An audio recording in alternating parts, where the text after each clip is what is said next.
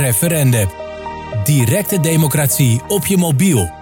Op 28 juni 2023 debatteerde de Tweede Kamer over seksuele misdrijven. De intentie is om seksueel grensoverschrijdend gedrag effectiever tegen te gaan door de introductie van nieuwe regels en aanpassingen in de strafwet. Het voorstel richt zich op diverse aspecten, waaronder onvrijwillige seks, bewijslast, maximumstraffen, straatintimidatie en de misbruik van seksueel beeldmateriaal. Het wetsvoorstel benadrukt de noodzaak van gelijkwaardigheid in seksuele interacties. Het introduceert de verplichting voor beide partners om te verifiëren of de ander daadwerkelijk instemt met seksuele handelingen. Bij de nieuwe delictsvormen zoals omschreven in het voorstel, en ik citeer, gaat het primair om de vraag wat een verdachte tijdens het seksueel contact wist of behoorde te weten over de ontbrekende wil bij de ander.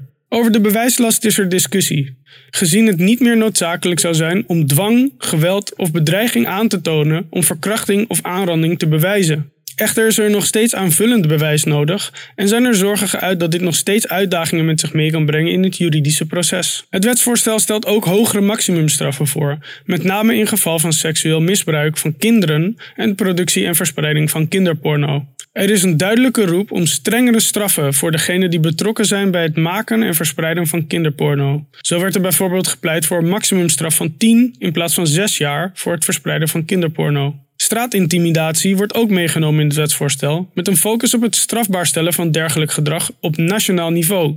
Er was ook een discussie over de mogelijkheid voor burgemeesters om gebiedsverboden op te leggen in gevallen van online seksuele intimidatie. Het wetsvoorstel maakt ook het sturen van seksueel getinte berichten naar minderjarigen onder de 16 strafbaar. Daarnaast was er discussie over hoe het wetsvoorstel omgaat met het verspreiden van seksueel beeldmateriaal in het algemeen, waarbij sommigen voelen dat er meer nadruk moet liggen op het strafbaar stellen van het misbruik van dergelijk beeldmateriaal. Het idee werd geopperd om misbruik van seksueel beeldmateriaal onder te brengen bij seksuele misdrijven. Het debat benadrukte ook de noodzaak van voldoende middelen en capaciteit bij de politie en andere relevante instanties om de voorgestelde veranderingen effectief te kunnen implementeren. Er werd gesproken over het reserveren van extra middelen voor de implementatie van de wet, met name voor de zedenrecherche. Het wetsvoorstel werd op 4 juli 2023 met 144 voorstemmen aangenomen. En nu is de vraag: wat vind jij? Download nu de app voor iOS en Android. En herwin je waardigheid als burger van een soeverein Nederland.